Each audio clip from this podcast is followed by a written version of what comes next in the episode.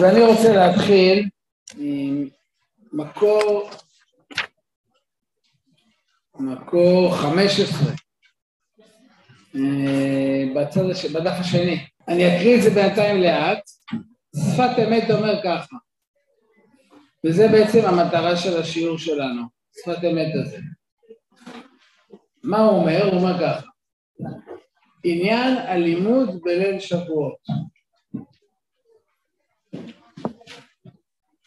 למה אנחנו בליל שבועות נוהגים את המנהג הזה של להישאר ערים כל הלילה, משתדלים, אה, וכל הלילה לשתות קפה ולאכול רובלה. למה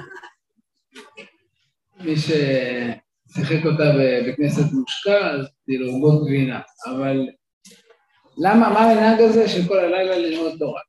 אומר השפת אמת, עניין הלימוד בליל שבועות, להכין את הלב לקבל תורה, לכתיב לב טהור ברלי, אחר כך רוח נכון חדש בקרבי. זאת אומרת, יש פה כמובן שני שלבים. השלב הראשון זה מה? לב טהור ברלי אלוקים, ורק אחרי זה אני יכול לבקש מה? רוח נכון חדש בקרבי. אז לפי זה, מה זה אומר? שלב טהור ברע לי אלוקים זה ליל שבועות, ורוח נכון חדש בקרבי זה מה? שבועות בבוקר, קבלת תורה. זאת אומרת, עוד פעם אני חוזר למשפט, מה עניין הלימוד של שבועות? להכין את הלב לקבל את התורה. קבלת התורה, כשאנחנו קוראים בבוקר בקריאת התורה, כל פרשת מתן תורה, אנחנו שומעים באוזנינו אנוכי השם אלוקיך, ואומרים שוב את הנעשה ונשמע, ומקבלים עלינו את התורה. זאת אומרת, בעצם עם שחר אנחנו כמו עם ישראל בשעה הזאת, עומדים למרגלות הר סיני ומקבלים את התורה מחדש. תכף נראה את זה בפנים. אם כן, אומר שפת אמת, מה התפקיד של הלילה? הכנת הלב לקבל את התורה. בבוקר, קבלת התורה ושמיעת פסוקי עשרת הדיברות, בתפילה שלנו בבוקר, בשחרית. הלילה הוא הכנה לקבל את התורה. עכשיו זה מאוד מעניין, סליחה, כי אנחנו כבר לומדים תורה בלילה, אז מה זאת שאנחנו מקבלים תורה בבוקר? אבל אומר השפת אמת, והנה גם זה נכלל במתן תורה, חלק מהמתן תורה, מאוד מעניין, אנחנו חושבים שמתן תורה, כמו שאמרתי הרגע, מתחיל בבוקר, לא. שהקדוש ברוך הוא נותן גם את הכלים. לקבל, סליחה, להיות מוכן לקבל את התורה והוא טהרת הלב. זאת כדי להיות מוכן לקבל את התורה, שאמרנו להיות מוכן לקבל את התורה, להיות מוכן זה הלילה, לקבל את התורה זה הבוקר, אומר לעשות אמת, גם את הכלים, כלים, להיות מוכן, להכין את הכלים כדי לקבל, גם זה מה? מתנה מהשם. אומרת, כשאני לומד תורה בלילה, זה מתן תורה אחד. זה מתן תורה של מה? של כלים. כדי שיהיה לי את האפשרות למתן תורה השני. איזה מתן תורה? של האורות, של הבוקר, של התורה עצמה. ולכן נקראת מתנת התורה, תראו איזה פירוש יפה, לקח טוב, עכשיו עוד פעם תשימו לב לפסוק, לקח טוב נתתי לכם, מה? אז יש פה את הלקח ויש פה את התורה, אז השפת אמת מחלק. לקח טוב, למה? שנכלל בזאת המתנה, המתנה הגדולה הזאת של מתן תורה, מתנה הגדולה שאנחנו הולכים לקבל לשבועות, היא לא רק התורה כמו שאנחנו רגילים תמיד לחשוב ולהבין, אלא נכלל בזאת המתנה את ההכנה איך לקח ולקבל את המתנה. זאת אומרת, לקח טוב נתתי לכם. אני נותן לכם גם את התורה, תורתי אל תעזורי, אבל גם נותן לכם את היכולת לקחת, את היכולת לקבל את התורה. זאת אומרת, גם את הלב שאנחנו נדרשים כדי לקנות את התורה, גם הוא מתנה מהקדוש ברוך הוא כדי שנוכל לקבל. הקדוש ברוך הוא נותן לנו גם את הכלי, כדי שיהיה לנו בית יד, שיהיה לנו אחיזה, שיהיה לנו לב לקבל בו תורה. אם השם לא נותן לנו לב, גם את התורה שהוא נותן לנו אחרי זה, לא היה לנו בכלל מה לקבל. לצורך העניין, אני אה, יודע מה, מכניס את, ה, את העני, ל, לא יודע בדיוק מה, לבית תמחוי, או לא יודע מה, למקום שמחלקים בו את כל המתנות, אני הולך לתת לו מתנות, אבל בכניסה אני גם נותן לו מה? את השקיות הגדולות האלה, שיהיה לו במה? למלא, אחרת אני אתן לו את המתנות, אבל הוא לא יוכל לקחת אותן, הוא יוכל לקחת מקסימום בכל יד אחד, והוא יצא ריקם. אני נותן לו בכניסה את השקיות הגדולות, אני יודע מה, זה תרמיל גדול, ואז אומר לו, עכשיו לך תמלא. שתיהם זה מתנה, גם הכלי וגם התוכן. אז איפה אנחנו רואים את הכלים, או איזה כלים אנחנו רוצים לקבל מהקדוש ברוך הוא, או הקדוש ברוך הוא נתן לנו, כדי שנוכל לקבל את התורה. יש בזה ודאי הרבה עומקים וגם אולי הרבה בחינות. אנחנו נרצה להתמקד בשתיים מאוד בסיסיות, שהתיאור שלהם בתורה הוא דווקא להבנתי, או למה שאני אנסה לראות ביחד פה, גיאוגרפי. מה הקשר?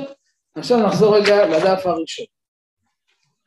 אנחנו נמצאים הרי במסע ארוך של חמישים יום, מפסח ועד מה? שבועות עד עצרת, עד מתן תורה, אנחנו נמצאים במסע הארוך הזה ביחד עם עם ישראל, יום אחרי יום, סופרים, מתקדמים, ממצרים, הולכים במדבר, תחנה אחרי תחנה, קוראים דברים, מראה, יוסוף קודם, מראה וכולי וכולי וכולי, עוברים מתחנה לתחנה, רפידים וכולי, והנה אנחנו במסע הזה, כבר בליל הסדר מתארים כל מיני תחנות. תראו רגע את התחנות שמוכרות לכולנו, פה המקור ראשון, אילו הכילנו את המן ולא נתן לנו את השבת. דיינו כמובן, אילו נתן לנו את השבת, התחנה אחרי השבת, אני מתרכז בתחנות שסביב מתן תורה, ולא קרבנו לפני הר סיני, דיינו, אילו קרבנו לפני הר סיני ולא נתנו את התורה, דיינו. זו שאלה מפורסמת שכולנו מכירים אותה, היא, אני חושב, כן, אני יכול להבין, נתן לנו, החיה לנו את המן ולא נתן לנו את השבת, שווה, המן זה מדרגה מאוד גבוהה. נתן לנו את השבת, מדרגה מאוד גבוהה.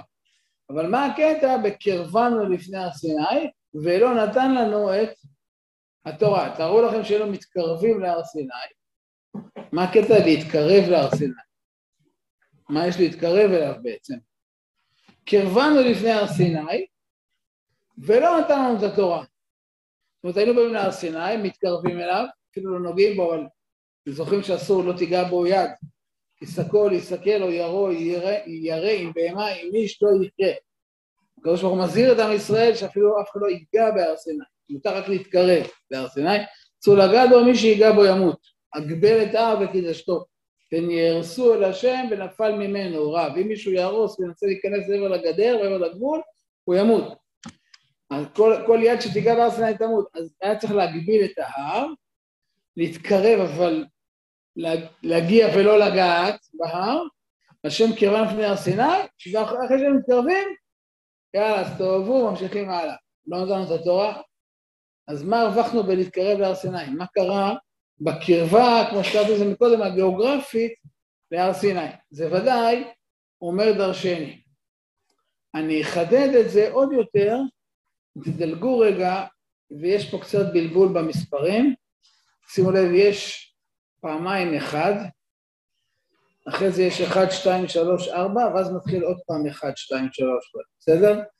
אז איפשהו במעבר מה... מהוורד לוורד, איפשהו פעם משהו פה התבלגן, אז uh, אני עכשיו במקור שבע למטה, בסדר?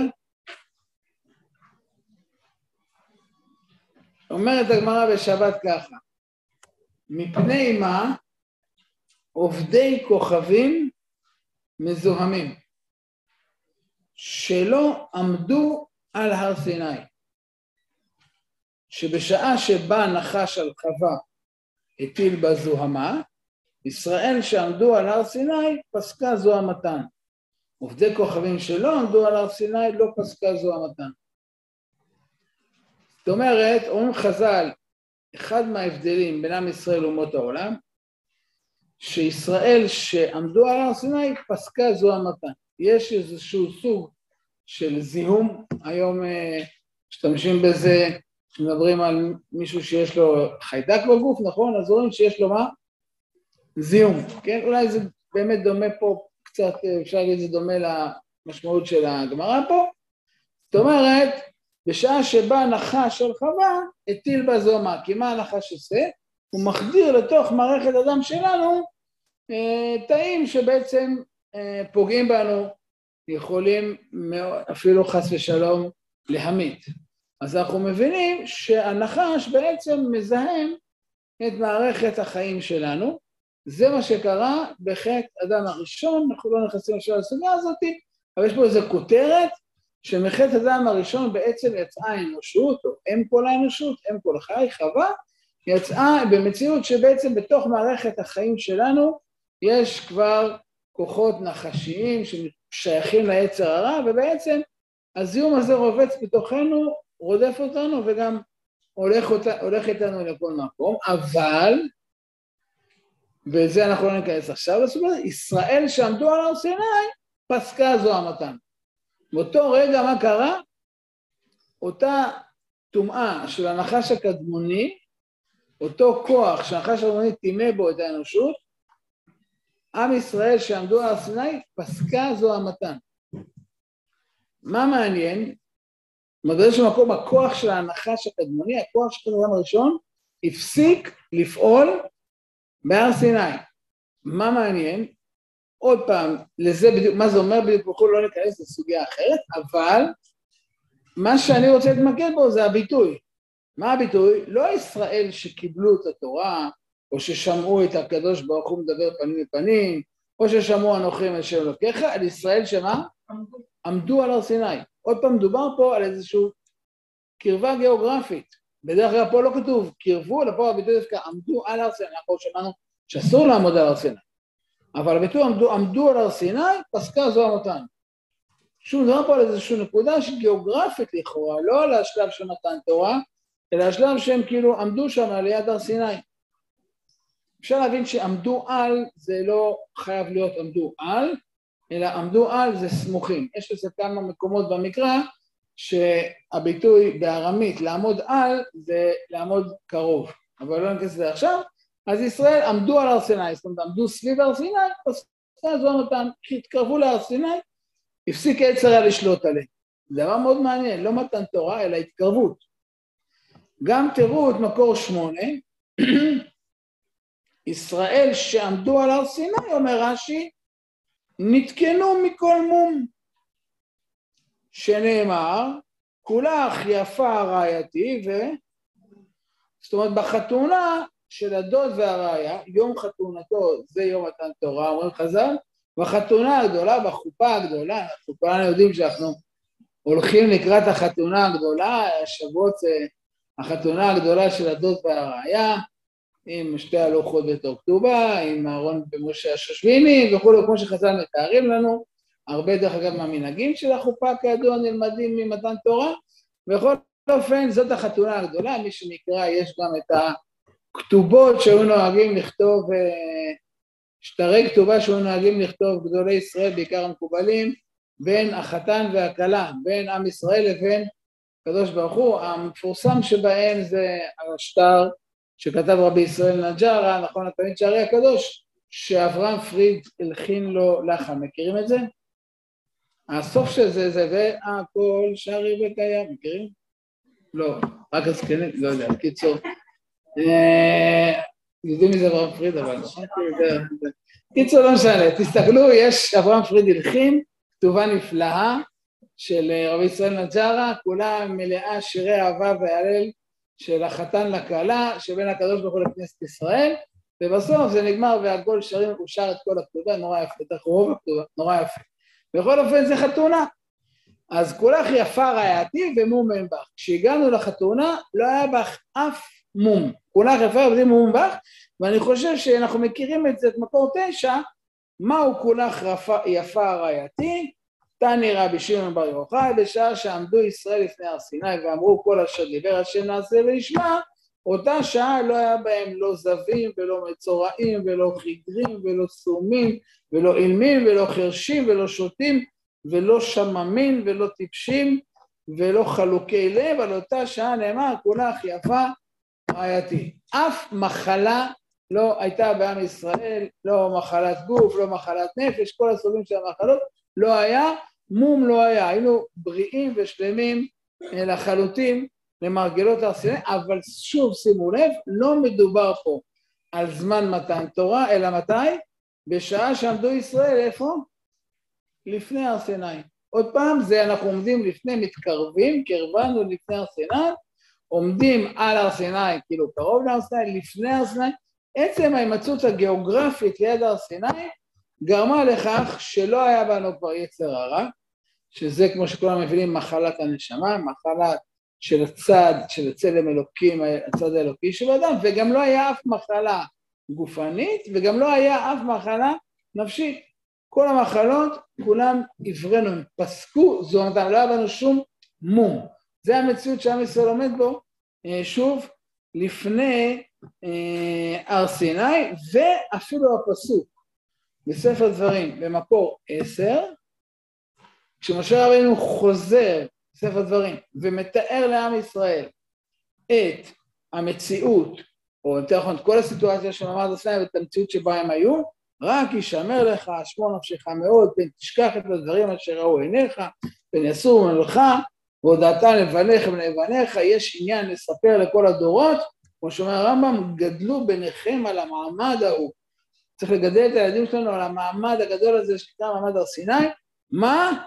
יום אשר עמדת לפני השם אלוקיך בחורף, ואמור השם אליי, הקהל לי את העם והשמעו דבריי וכולי, אבל שוב הביטוי פה, כן? לא יום ששמעת את כל השם בחורף, ולא פעם מה הביטוי? יום אשר מה? עמדת לפני השם אלוקיך. עוד פעם הביטוי, עמדת בחורב או העמוד בהר סיני, כן, חורב, נזפת זה הר סיני.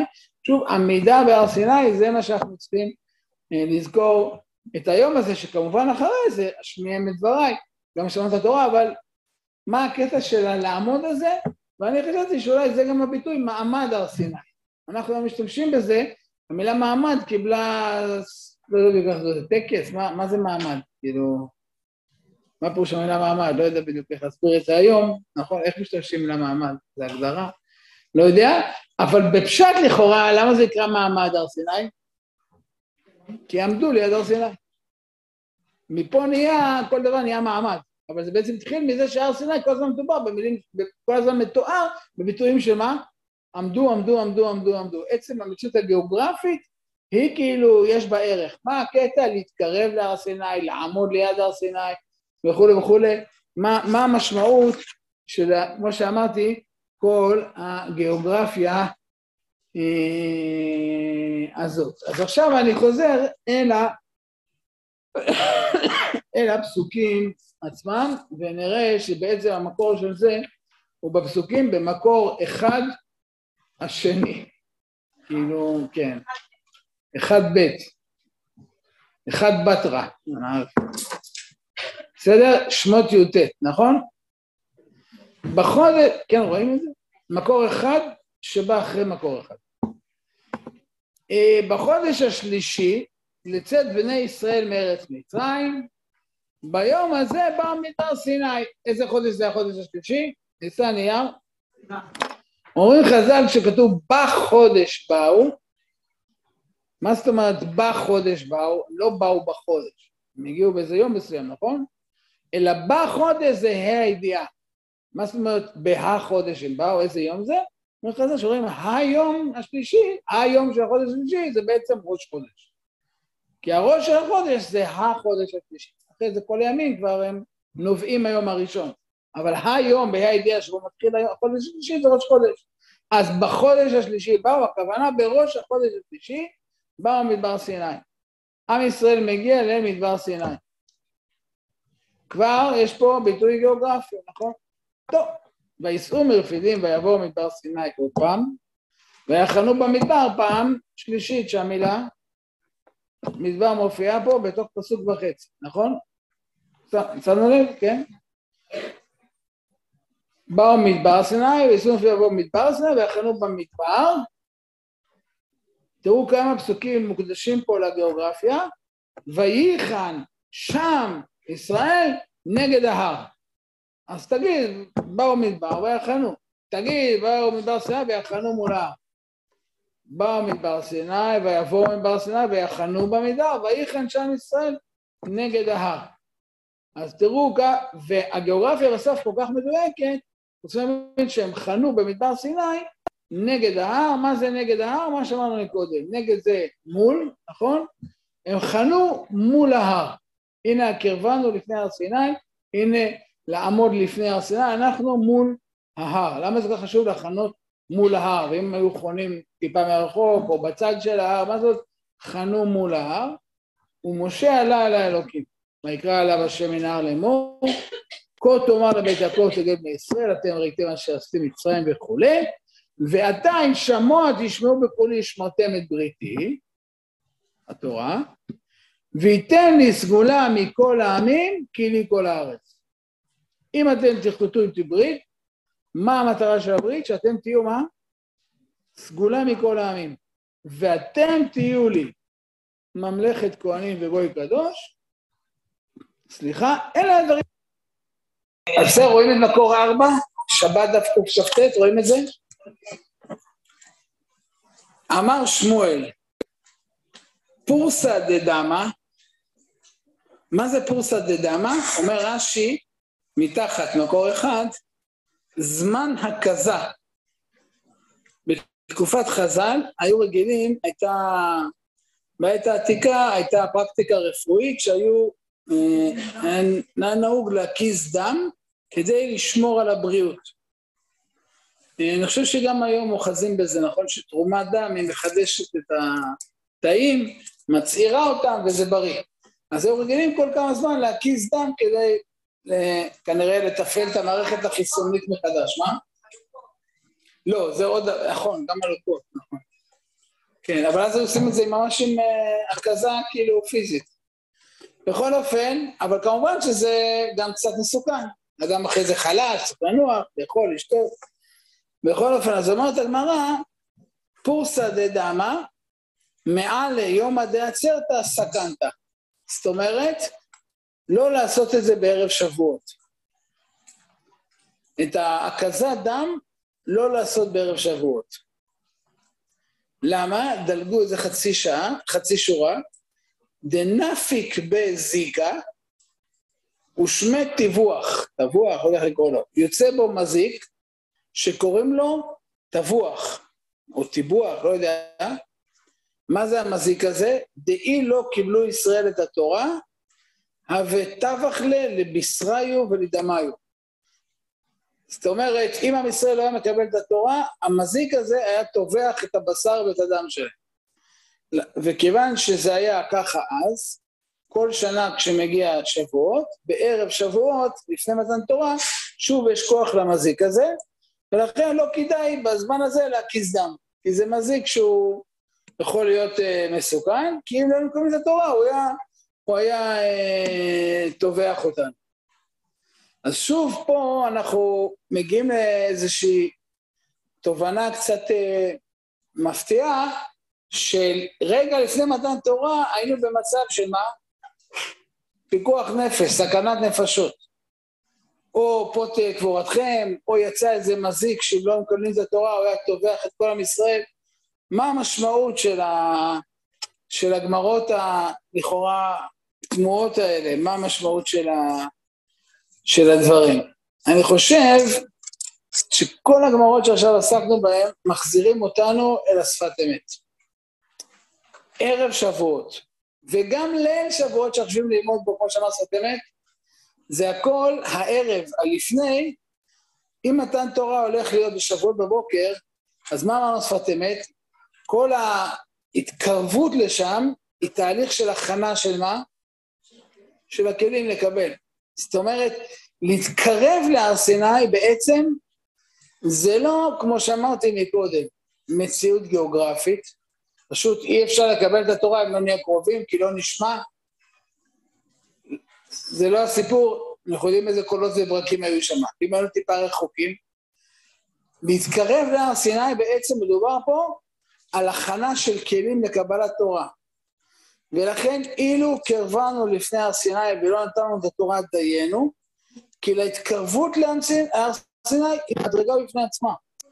עצם ההתקרבות להר סיני יצרה מציאות חדשה. זאת אומרת, קרבת הר סיני זה מדרגה. איזה מדרגה?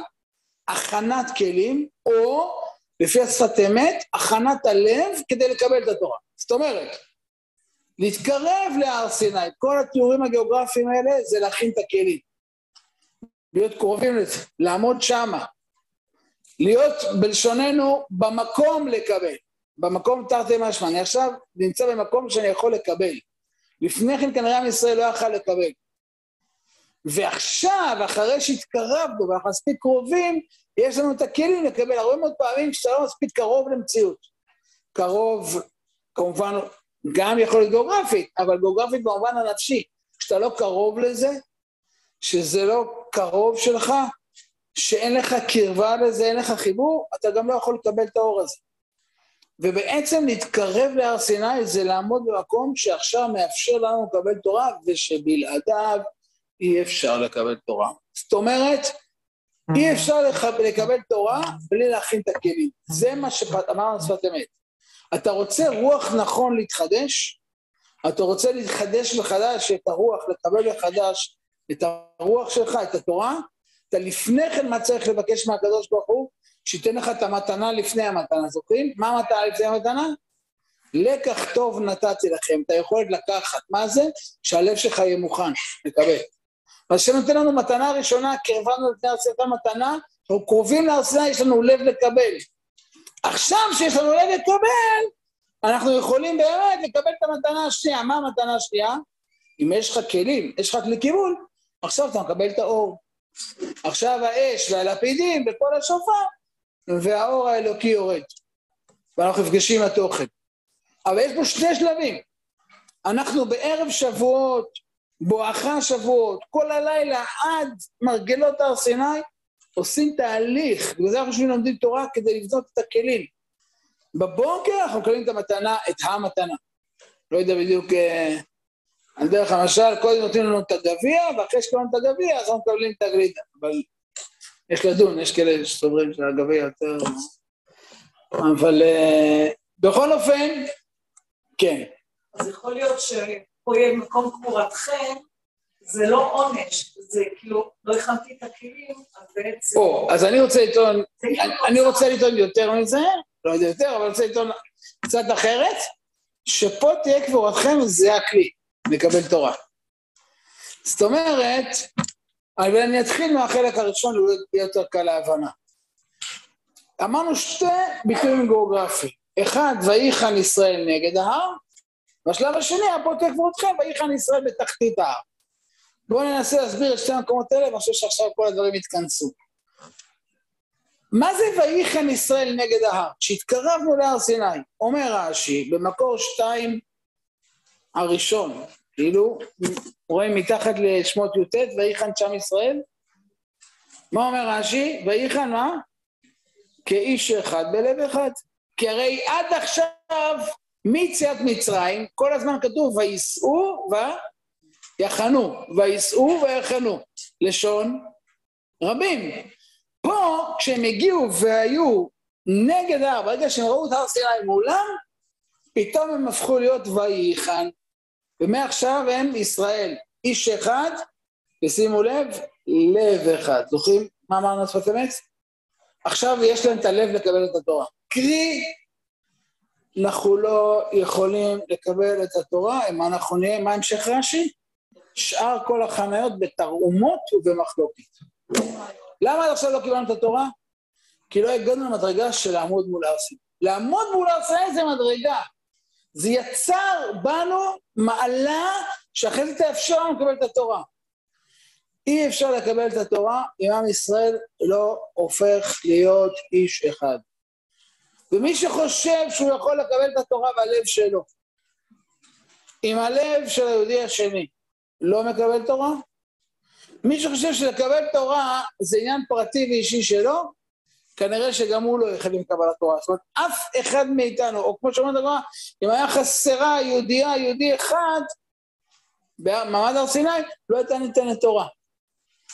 אנחנו צריכים שיהיה מצב של איש אחד בלב אחד, שכל עם ישראל יעמדו שם כאחד, ויגידו נעשה ונשמע ויקבלו את התורה. אי אפשר לוותר על אף יהודי במתן תורה, שיעור נראה לי מאוד חשוב לחזור עליו כולנו בתקופה הזאת.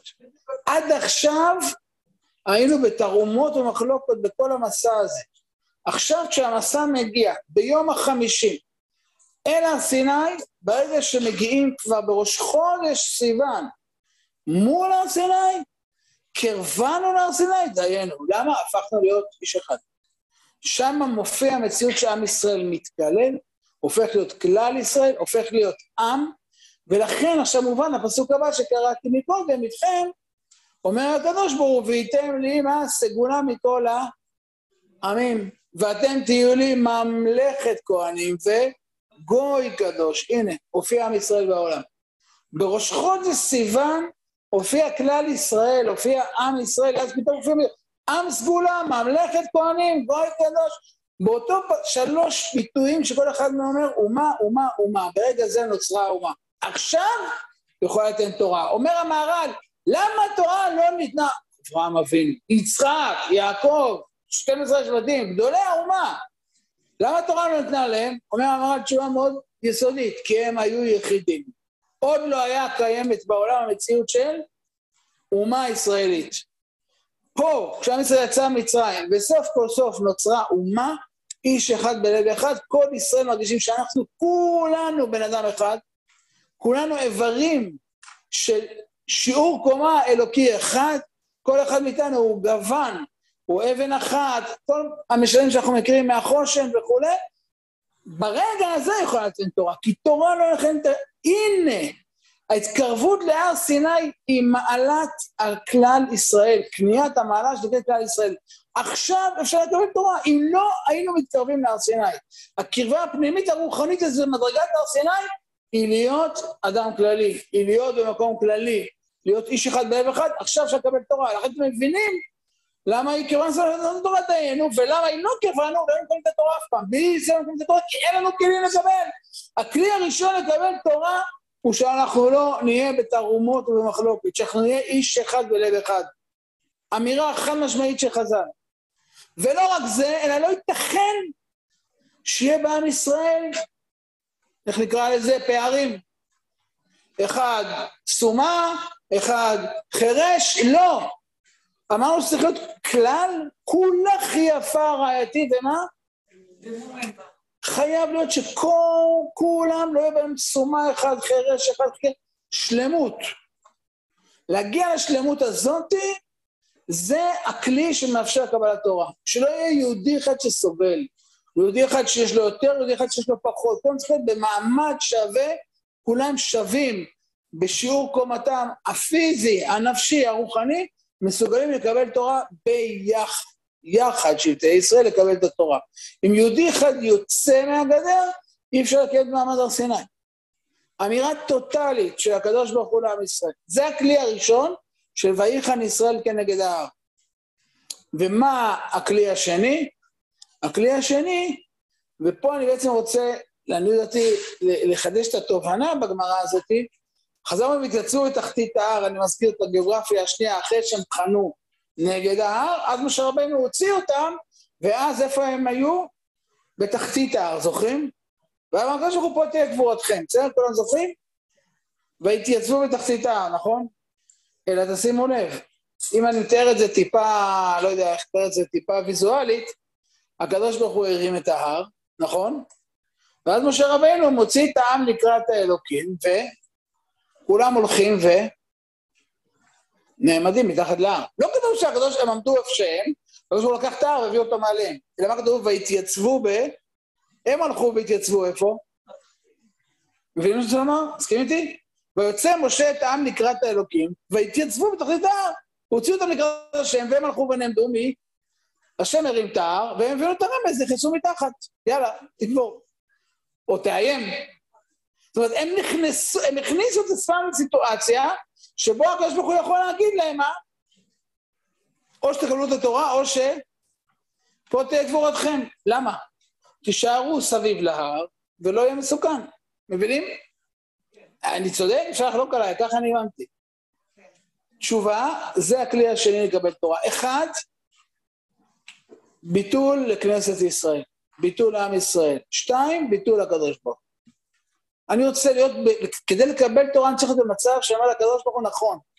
בלי התורה אני לא רוצה לחיות. זה הכלי העצום לקבל תורה. אחד, בלי עם ישראל אין לי תורה. בלי, אם יש יהודים שלא חלק מהתורה, אני חסר בתורה שלי. זה מה שאנחנו צריכים לזכור בימים האלה. זה הכלי הראשון לקבל תורה. אם יש יהודים שהם לא נמצאים במעמד הר סיני, המעמד הר סיני שלי לא שלם. אנחנו צריכים לזכור את זה. דבר שני, קבלת תורה היא לא יכולה להיות ממקום שאני עדיין, איך להגיד, שומר, מה?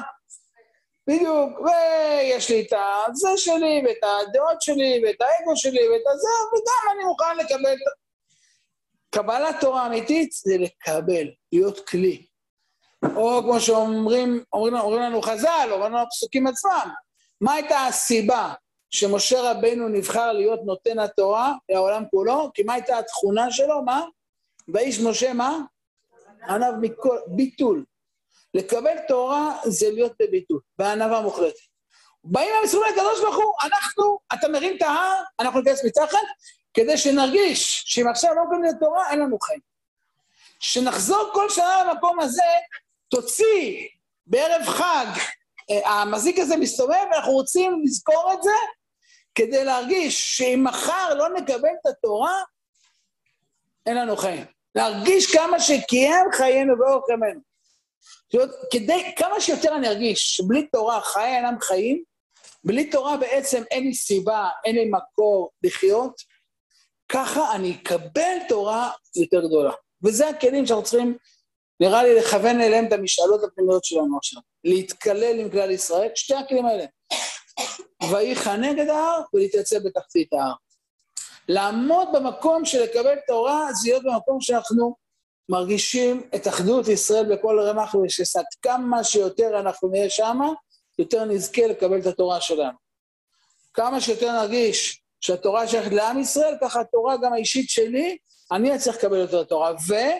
וכמה שכמו שאמרתי, אני אהיה במקום של לקבל, להיות מקבל, להיות בביטול, להיות במקום שכאילו, אם לא התורה, פה תהיה גבורתכם, ככה אני אזכה יותר ויותר להיות שמה, להיות במקום, להיות כלי קיבול. מקום זה כידוע אחד מכלי הקיבול, לתת מקום כדי שיהיה אפשר לקבל, והרבה דברים בחיים אנחנו יודעים שאם אתה לא נותן מקום למשהו, משנה זה פיזי או נפשי וכולי, אין לך כלי קיבול לקבל, להיות במקום הזה, ואז אנחנו באמת יכולים אה, אה, אה, לקבל תורה. אה, אני אה, אה, אסיים בסיפור. שמופיע פה ב, ב, במדרש במקור ארבע השני, ויקרא רבה.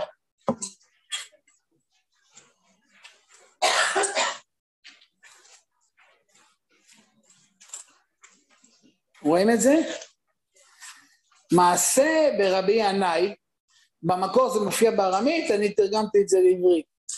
לא, כאילו לקחתי תרגום שמצאתי. מעשה ברבי ינאי שהיה מהלך בדרך, פגע בו אדם אחד שהיה נראה לבוש בהידור. היה ככה נראה מאוד חשוב. אמר לו, האם יקבלני הרב להתארח בביתו לאכול על שולחנו? קיבלו הרב בכבוד בביתו. הוא היה בטוח שאם הוא מזמין את עצמו אליו, הוא כנראה איזה תלמיד חכם, איזה עולם הוא רוצה לבוא לאכול אצל הרב בבית וכולי, כן? כאשר ישב ליד השולחן, בדקו במקרא, ולא מצאו, שאל אותו שאלות בחומש, לא יודע כלום. בדקו במשנה, זאת אומרת, האכיל אותו, סעודה מפרך, לא יודע, נו, תגיד דבר תורה, משהו, פרשת שבוע, לא יודע. משנה, לא מצאו. תלמוד, לא מצאו. אגדה, תגיד משהו, דברי אגדה, לא מצאו. ביקשו לברך בכמה זמן, טוב, לפחות תזמן. מה אמר לו האורח? יברך ינאי בביתו. אתה תזמן, למה? הוא לא ידע אפילו מה, אפילו לזמן הוא לא ידע. אמר לו ינאי לאורח, אמור הכלב אכל מזונו של ינאי. ביטוי חריף. בזבזתי ארוחה, מה? ואדם שאפילו לזמן לא יודע, הבאתי אותך לפה, איזה דבר תורה, משהו, ציפיתי שאני... אני מסיים. קם האורח ואמר לו לינאי, מדוע אתה מקללני? אמר לו ינאי, במה זכאי אתה לאכול על שולחני? אמר האורח, מאז ילדותי, אומר אני, יש לי פסוק אחד שאני יודע מה, תורה ציווה לנו משה מורשה. קהילת ינאי לא כתוב כאן, אלא מה כתוב מה? קהילת יעקב. התורה היא לא שלך. אני באתי לפה כדי לקבל תורה, התורה היא לא שלך. התורה שייכת לכולם. כאשר התפייסו זה עם זה, אמר לו ינאי לאוכו, במה זכית לאכול? אז למה הקדוש ברוך הוא באמת ככה הביא אותך אליי? אמר לו, מעולם לא שמעתי מילה רעה על הזולת וסיפרתי אותה לאדם. לא ראיתי שניים שמתקדשים זה עם זה לא תשאלו ביניהם. אמר לו ינאי, דרך ארץ גדול כזה יש בך, ואני קראתיך כלב? אמר עליו תזוק ושם, ושם דרך הראינו ביש אלקים. זאת אומרת, אומר, כמה תורה יכלתי ללמוד ממך, אפילו שלא למדת מילה אחת של תורה. אבל אנחנו צריכים לזכור את האמירה הזאת. תורה ציווה לנו משה, איך אמר אותו, אומר אותו יהודי, מורשה מה? אם אתה דואג לתורה שלך, אין לזה ערך. אם אני מבין שהתורה היא קהילת יעקב, אז בעצם לכל התורה כולה, לכל כל התורה הפרטית שלי, יש את הערך האמיתי שלה. בעזרת השם, שנזכה השנה ממש להכין את הכלים הגדולים האלה, ממש להתבטא אל עם ישראל, להתבטא לקדוש ברוך הוא, להתבטא לתורה, לזכות לקבל תורה גדולה, ברוכות תהיו.